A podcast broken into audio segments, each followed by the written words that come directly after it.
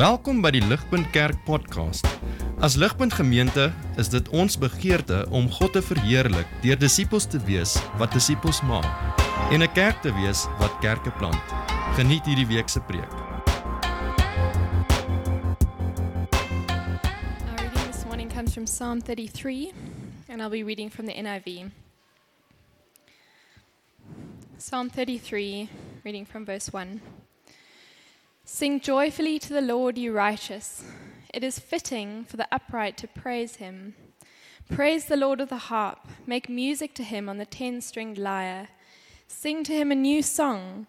Play skillfully and shout for joy. For the word of the Lord is right and true. He is faithful in all he does. The Lord loves righteousness and justice. The earth is full of his unfailing love. By the word of the Lord the heavens were made, their starry host by the breath of his mouth. He gathers the waters of the sea into jars, he puts the deep into storehouses. Let all the earth fear the Lord, let all the people of the world revere him, for he spoke, and it came to be. He commanded, and it stood firm. The Lord foils the plans of the nations, he thwarts the purposes of the peoples. But the plans of the Lord stand firm forever, the purposes of his heart through all generations. Blessed is the nation whose God is the Lord, the people he chose for his inheritance. From heaven, the Lord looks down and sees all mankind. From his dwelling place, he watches all who live on earth, he who forms the hearts of all, who considers everything they do. No king is saved by the size of his army, no warrior escapes by his great strength. A horse is a vain hope for deliverance. Despite all its great strength, it cannot save. But the eyes of the Lord are on those who fear him, on those whose hope is in his unfailing love, to deliver them from death and keep them alive in famine. We wait in hope for the Lord. He is our help and our shield. In him our hearts rejoice, for we trust in his holy name. May your unfailing love be with us, Lord, even as we put our hope in you.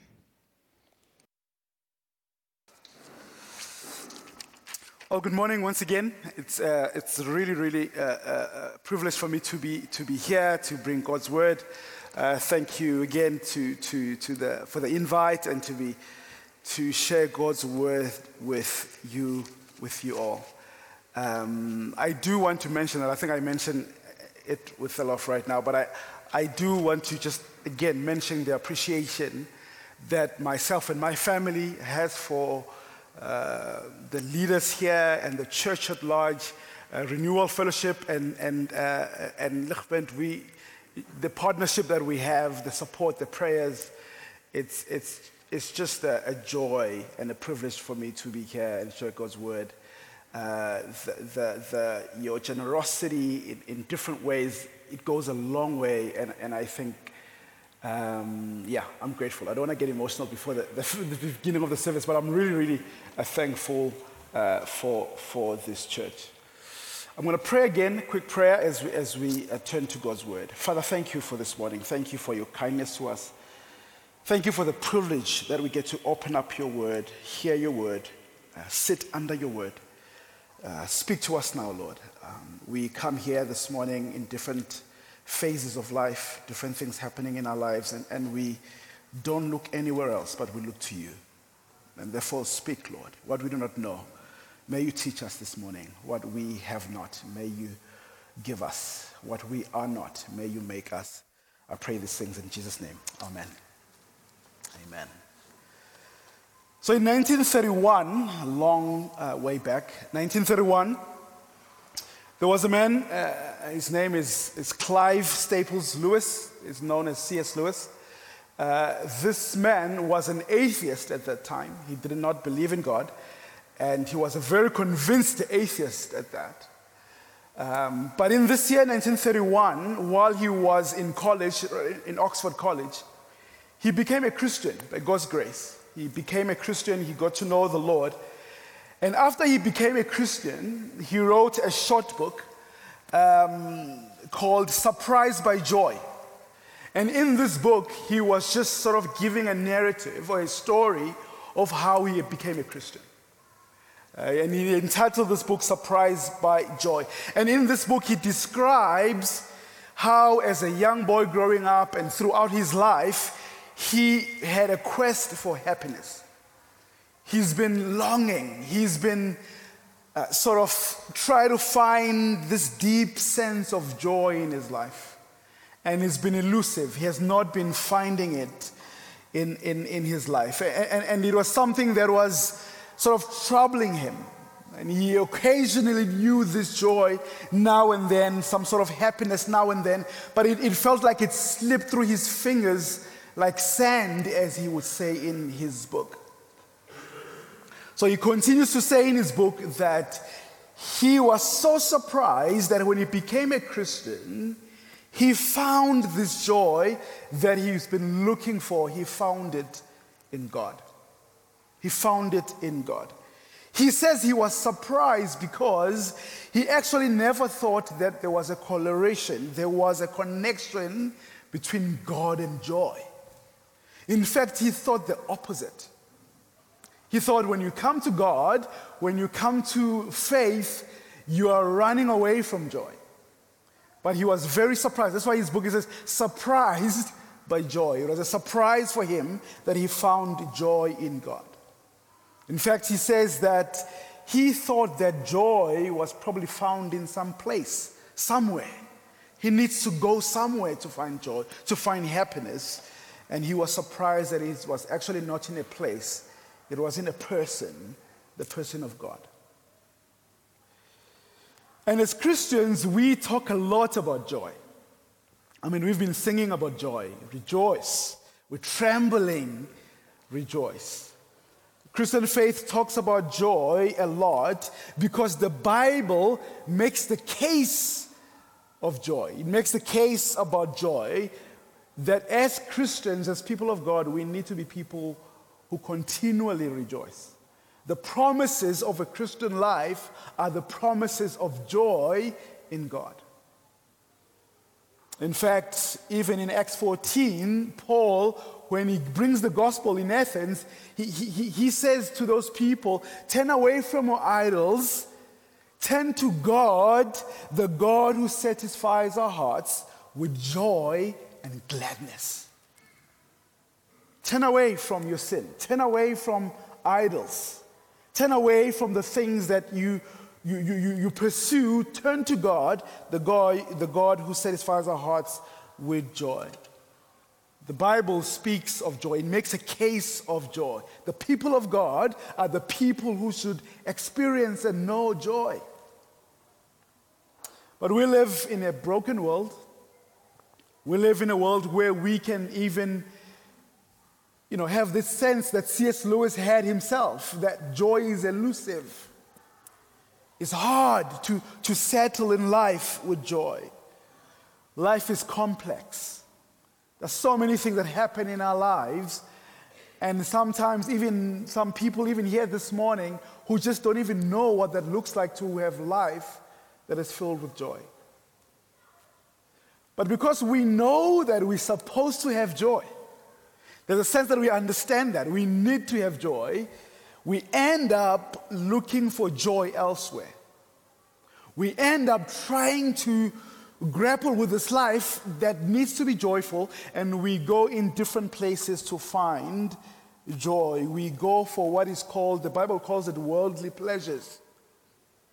The thing that we try to find in our own ways to find joy, and we try to find them in these worldly pleasures.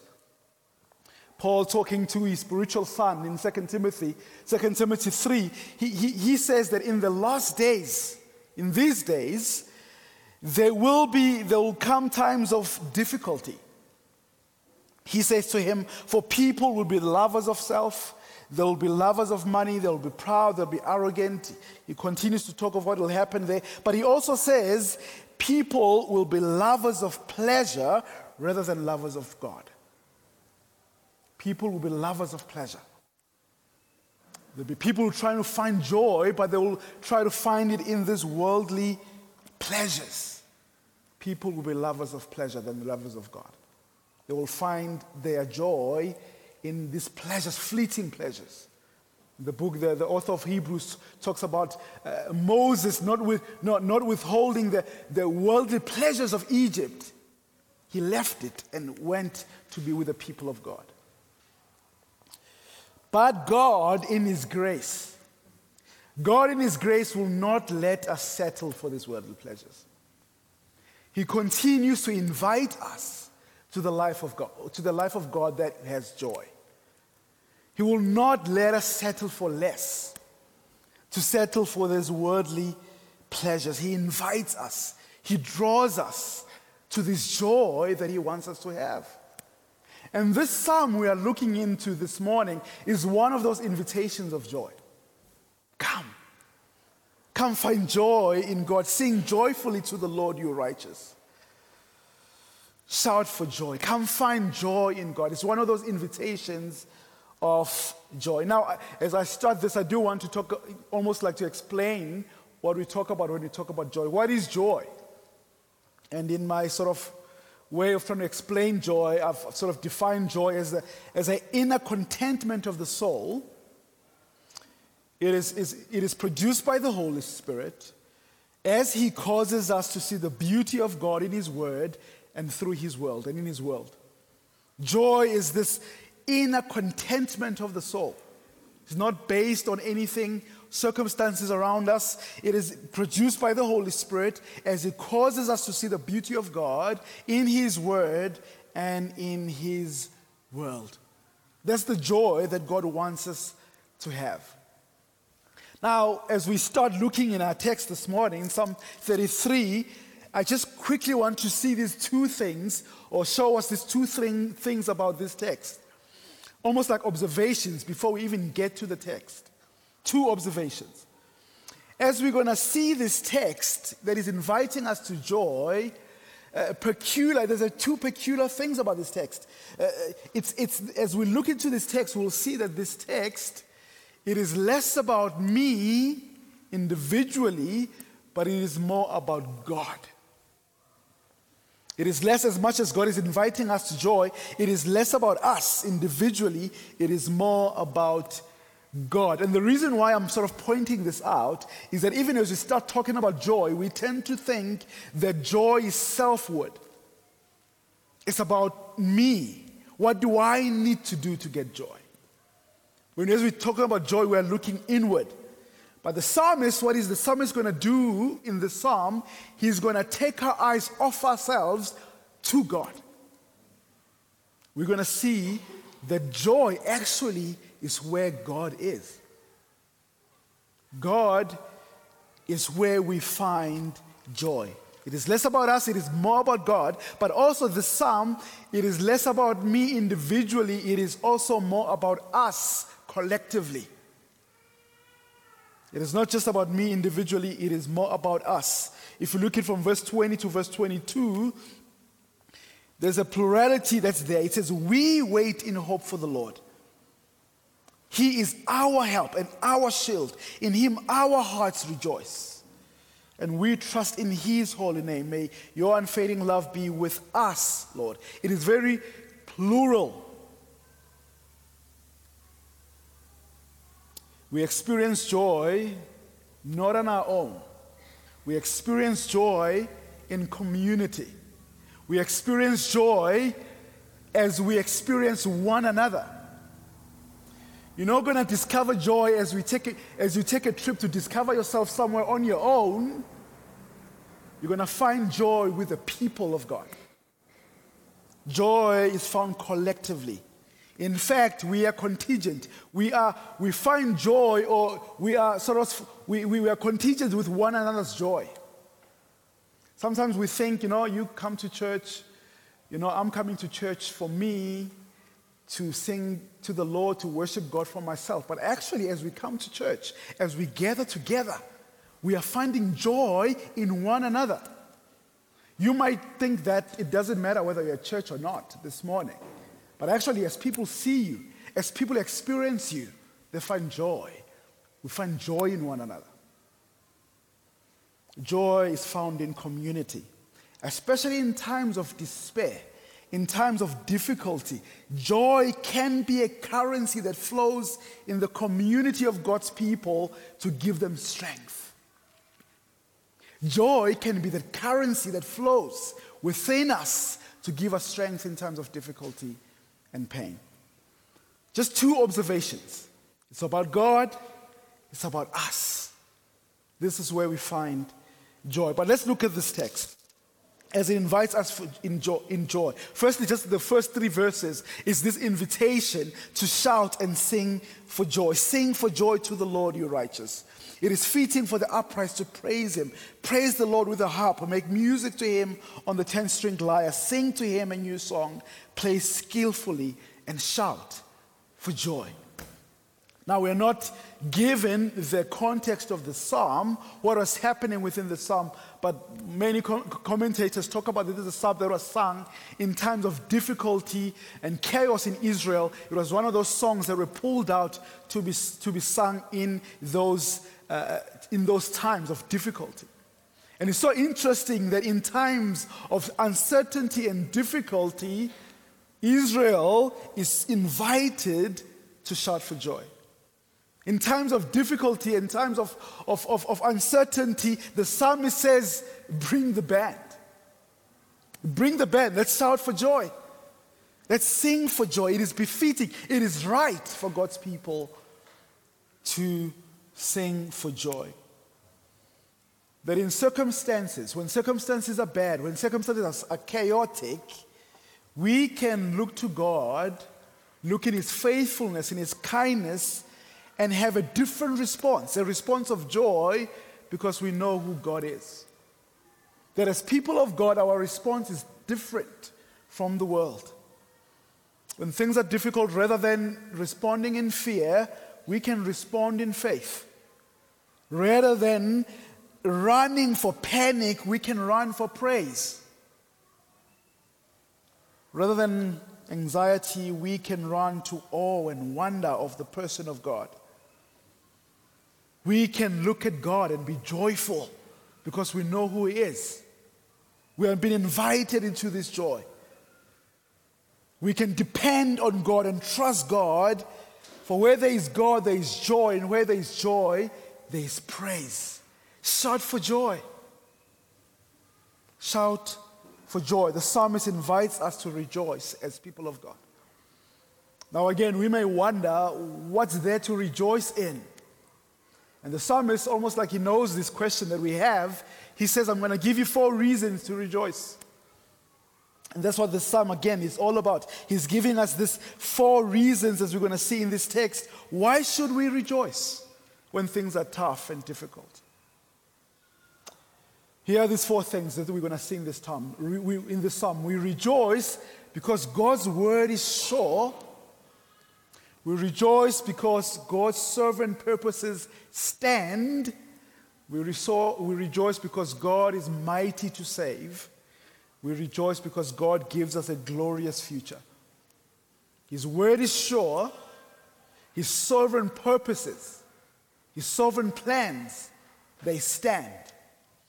He is mighty to save. He gives us a glorious future. Look with me in verse 4. His word is sure. It says, For the word of the Lord is right and true. His word is right and true. Verse 6 By the word of the Lord the heavens were made, the starry host by the breath of his mouth.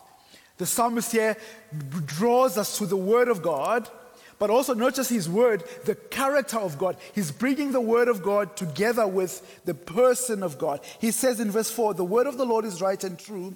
He is faithful in all he does. Because his word is true and it stands, he, God himself is faithful in all that he does. Because God's word goes with God's actions.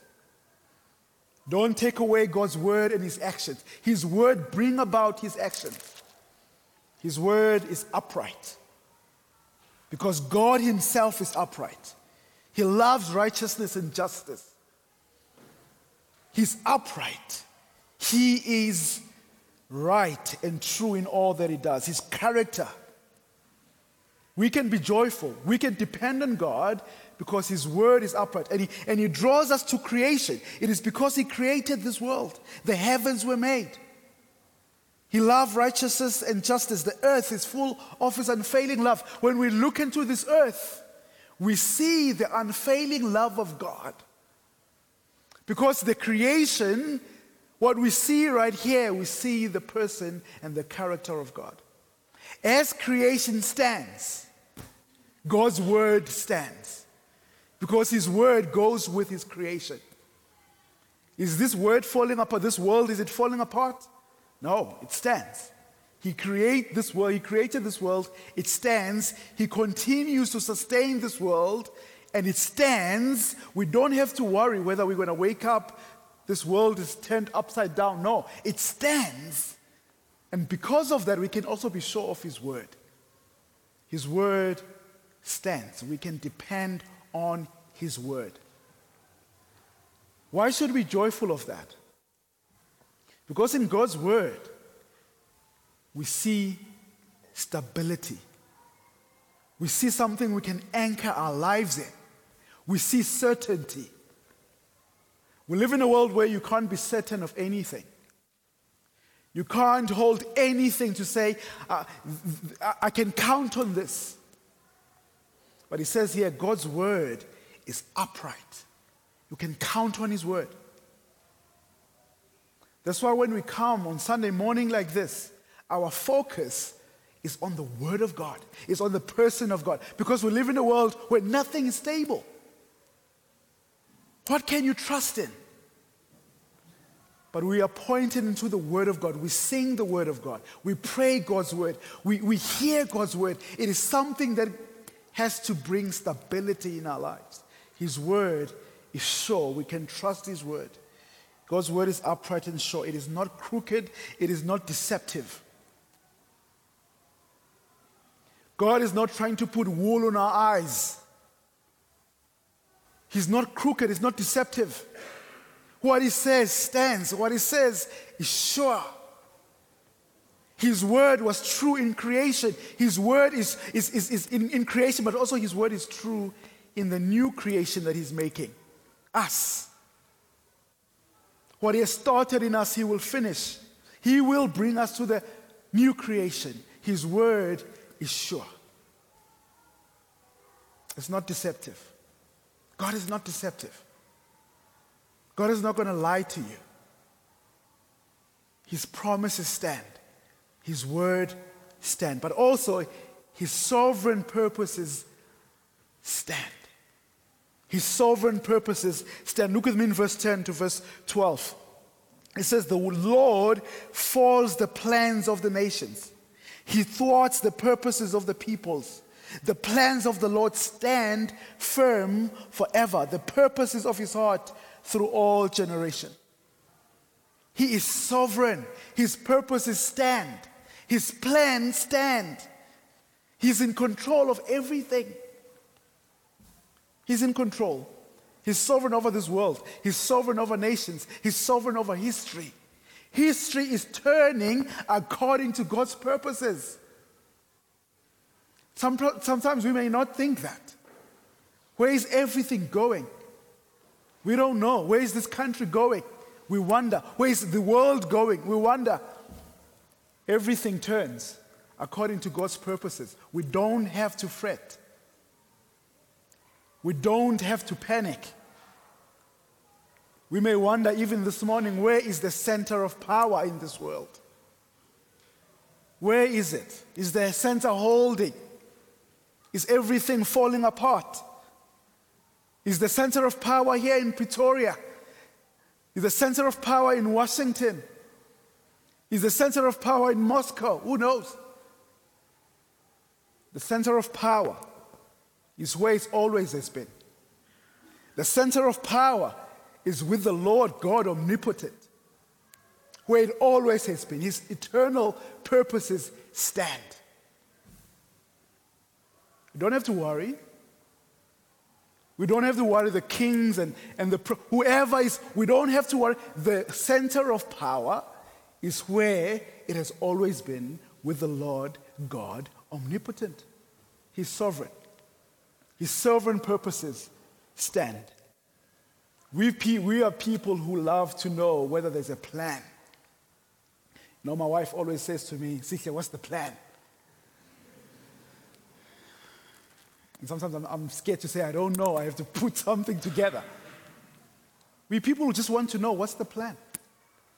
What's the plan in our families? What's the plan with this country? We want to know what's the plan with this world. But people of God, God has a plan. And his plan continues to go on. He's building his church. The gates of hell will not prevail against his church. His sovereign plan continues. He is in control. He's not, just he's not just in control of the world, but also he's sovereign over his people. That's what he's trying to say here. He, he, he's saying, Blessed is the nation whose God is the Lord, the people he chose for his inheritance. From the heaven, the Lord looks down of all, looks down and he sees all mankind. From his dwelling place, he watches, he watches over all who live on earth. He's not just sovereign over, over nations, he's sovereign over his people. He looks he sees, he looks out, he watches, he observes. And what the psalmist is saying here is not almost like something to scare us. You know, when someone says, I see you, God sees you. For some of us, we think, oh, that's a scary thing. For those of us who are people of God, those who has chosen for his inheritance, that should not scare us. It should bring us comfort. He sees us. He's talking about the sovereign care of God over his people. He has loving oversight towards his people. He sees us, he watches over us. God is keeping an eye on us so that he can intervene in a, in a timely way to, to counsel us, to direct us, to help us. He sees us. We could be here this morning wondering if God sees me. You could be here going through a whole lot of stuff and wondering, does God see me? I've been doing this. I've been trying to do put things together. Does God see me? As a church, does God see us? It says here, He watches over His people. He who forms the hearts of all, he considers everything they do. He sees us. He sees you. He has sovereign care for you. He's the God who's transcendent, but He's the God who's immanent, who's here with His people. He's among us. He's, he's among His people. He's sovereign over nation over nations and, and this world, but he also sovereign over his people, the one he has chosen for his inheritance. You. He loves and cares for you. He sees you. He's the God who's inviting us to joy, whose word is sure, whose sovereign purposes stand, but he's a God who's also mighty to save. Look in verse 16. It says, No king is saved by the size of his army, no warrior escaped by his great strength. A horse is a vain hope for deliverance. Despite all its great strength, it cannot save. The psalmist here is drawing to the things that we tend to go to for salvation. He says here, the army, the warrior escaped by his great strength. A horse is a vain hope for deliverance. You know, you think with the army, you know, the great warrior or the horses, all of this, the, the, the, psalmist is saying, no, no, actually, those things, don't count on them. They won't save you. All of these things that we put our hope in, the won't save you. Kings and armies, they, they have their proper place, but ultimately, God rules the world and we must put our hope in Him. He's the one who will deliver us. He's the one who delivers us. He's able to deliver us. And the psalmist here brings something very interesting. He says in verse 19, The eyes of the Lord are those who fear him, on those whose hope is in the unfailing love, to deliver them from death. He brings this understanding of even these warriors, these, these, these horses, here's something they won't save you on. They won't save you with death. When it comes to death, they won't save you. There's a filmmaker, uh, his name is Orson Welles. He once wrote that happy endings depend entirely on stopping the story before it's over. He's talking about making films. He says uh, happy endings, they depend entirely on stopping the story before it's over. Think of all those films where the story ends at the wedding. You know, those stories where the, the guy has been looking for a girl, they've been looking for all over the place for each other, all these, things have been, you know, uh, they couldn't find one another, and at the end, they find one another, they sail off to the sunset, they get married, it's beautiful, and the story ends. It doesn't show after the wedding. For those who are married, they know. It doesn't show all of that. Welles continues to say that happy endings depend that we stop the story right there. Because he says no story ends up a happy story, really, because of death. At the end of the day, and this is a person who does not believe, it, it ends up being sad. Someone grows old and they die. And that's where it ends. It ends up sad. Unless the Bible is true, unless the Bible is true that there is one who can deliver us from death, who is mighty to save even from death. And if that's true for us Christians, the film doesn't stop. The story doesn't end. The story continues. Because there is one who has blown a big hole on the wall of death and has come out on the other side and he bids us to come.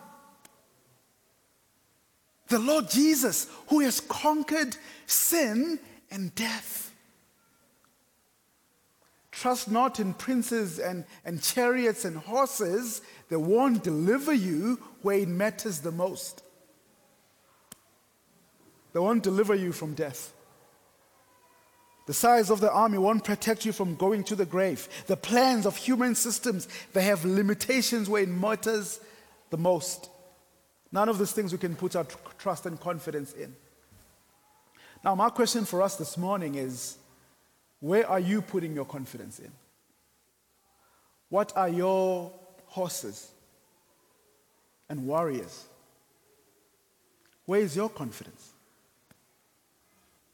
Where is your security? Your money? Your bank account? Your family? Your friends? Is that where you've put your hope in? Is that where everything you've put all your bets there? It says no. These things are a vain hope for deliverance. They won't deliver you where it matters the most.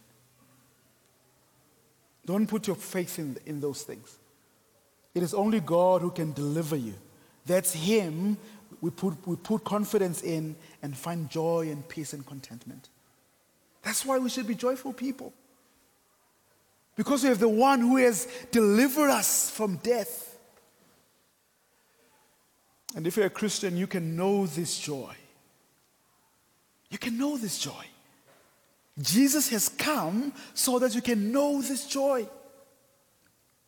The one who's delivered us from death, sin, and Satan through his death on the cross. He wants us to know this joy. But also, as I close the last point, he gives us a glorious future. Verse 20 to verse 22, he says, We wait in hope for the Lord. In him our hearts rejoice. Now, in these verses, these verses, there's a waiting, there's a trusting, there's a hope.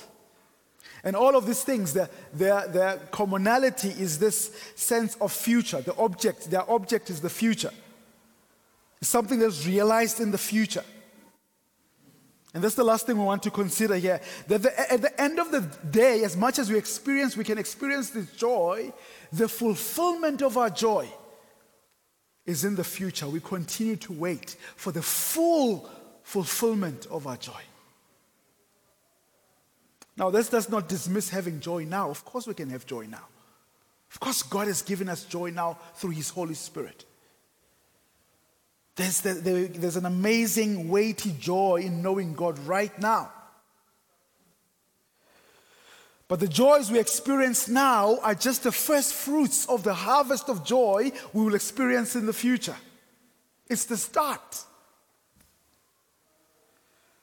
We can have glad hearts as we wait. It says here, we, we wait in hope for the Lord. We can have glad hearts as we wait as we wait for a full completion of our joy in the future. Now, I don't say that to discourage you, almost to take away, to snatch the carrot I've been dingling on you the whole time of joy, to say, oh, I just thought I'm going to have joy. It's actually in the future. No, you can experience it now. But I say that. I don't say that to discourage you. I say it because I really want you to know that the way your joy right now is often mingled with sorrow is not because you are doing something wrong. The way you experience joy now, the joy you experience now is mingled with sorrow. We know that, I know that, you know that. I remember when I was young, I would have, you know, my, uh, uh, my parents would be working, they'll come late from work, and, and, and maybe my mother will ask me when I come back from school, you the one who's gonna, he'll say, she'll say, you're the one who come early from, come early to, to the house. When you come back from the house, make sure you polish your shoes for the next day. Make sure you even wash your shirt for the next day for school before you go play. And I mean, as a young teenager, I wouldn't listen and I'll just get back home and I'll go play. And as I'm playing with my friends, I will remember, oh, I was supposed to wash my shirt. I was supposed to polish my shoes. As I'm playing with my friends, having fun, something is there that I need to get back home and probably to get in trouble. Now, my joy with my friends is mingled with sorrow. There's something right there. I don't know if you've had that, where you're having fun with friends, but there's something at the back of your mind oh, I'm in trouble. And that's sometimes how we experience joy. Our joy is mostly mingled with sorrow. You are not less Christians, less holy, less godly because your joy is always tainted with sadness. Even in greatest joy that God gives us through His wonderful salvation, through the beautiful people He gives us, our joy is filled with groans and moans because of this world that we live in that is still waiting to be redeemed.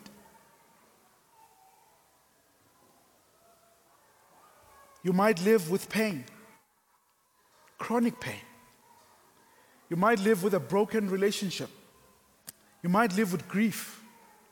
You might live with memories that you wish you could erase. So even when you find joy, it's still mingled with sorrow.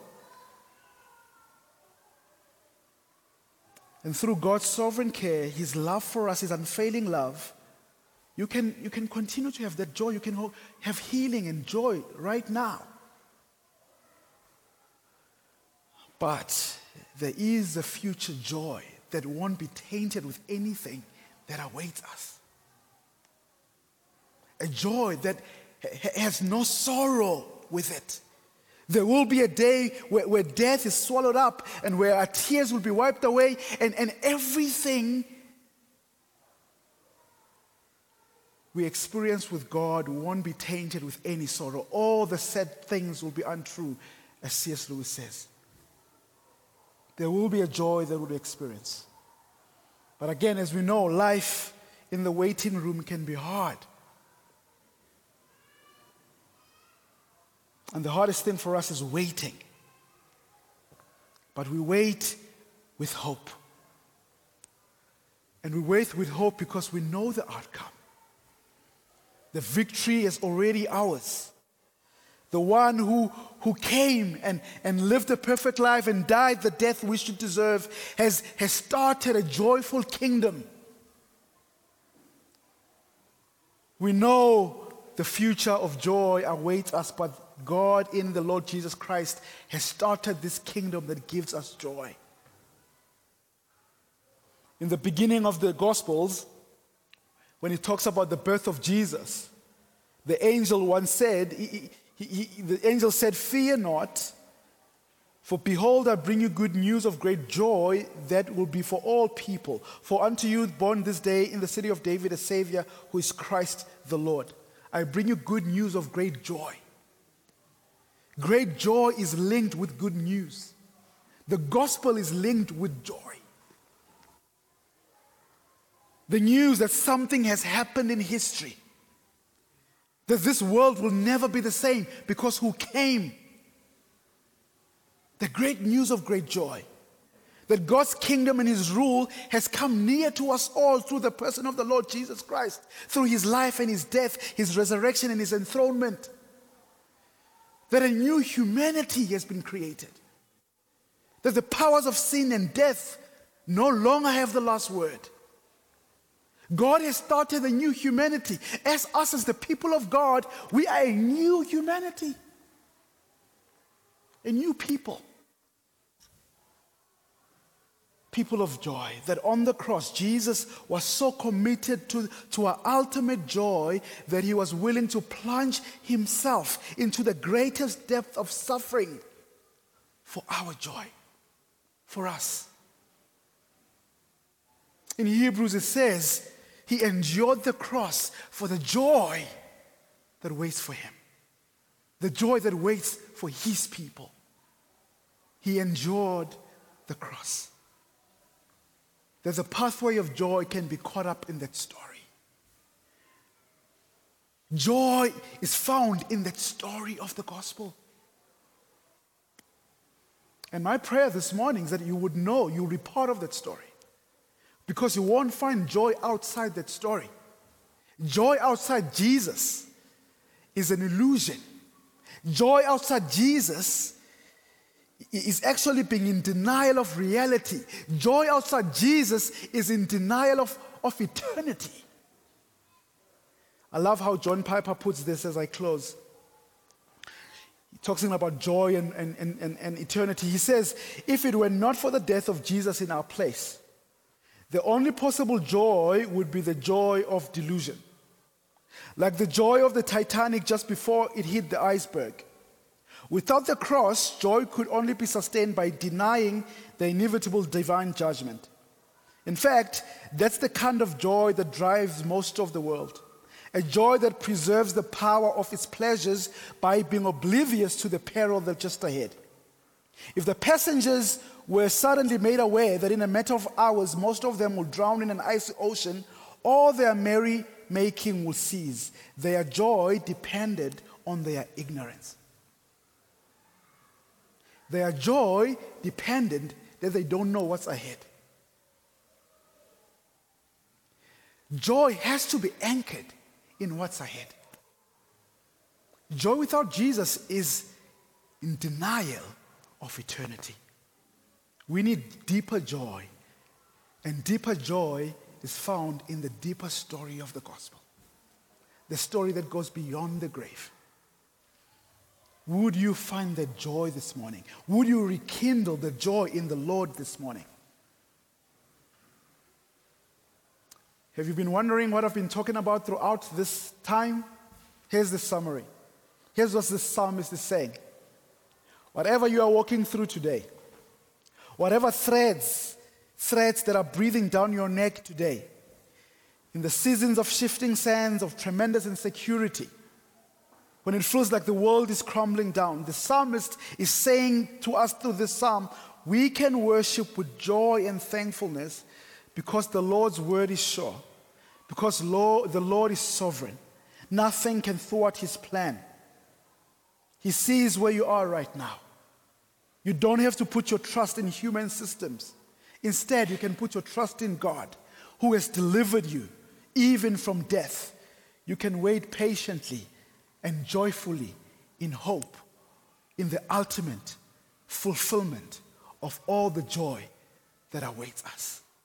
Joy is found in God. Let's pray together. Our Heavenly Father, we thank you for your word. Thank you that your word is true. Thank you that your word is life. Thank you that we can count on your word because it's sure it stands. Lord, I pray even this morning for those of us who might not know what it means to find joy in the Lord. That, Lord, by the power of your Holy Spirit, you, could be, you, could, you, you may work even right now to bring people, draw people to yourself, but also renew the joy in the Lord in us. Father, I pray for each and everyone here this morning. Strengthen them, Lord, for your joy is our strength.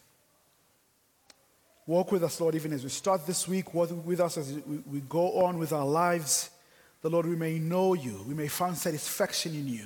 Help us not to put trust in all the human systems, but to put trust fully in you because you are the God who loves us and cares for us. We pray all of these things in Jesus' name. Amen. Vir meer inligting oor Ligpunt Kerk, besoek gerus ons webwerf op www.ligpunt.com of kontak ons gerus by info@ligpunt.com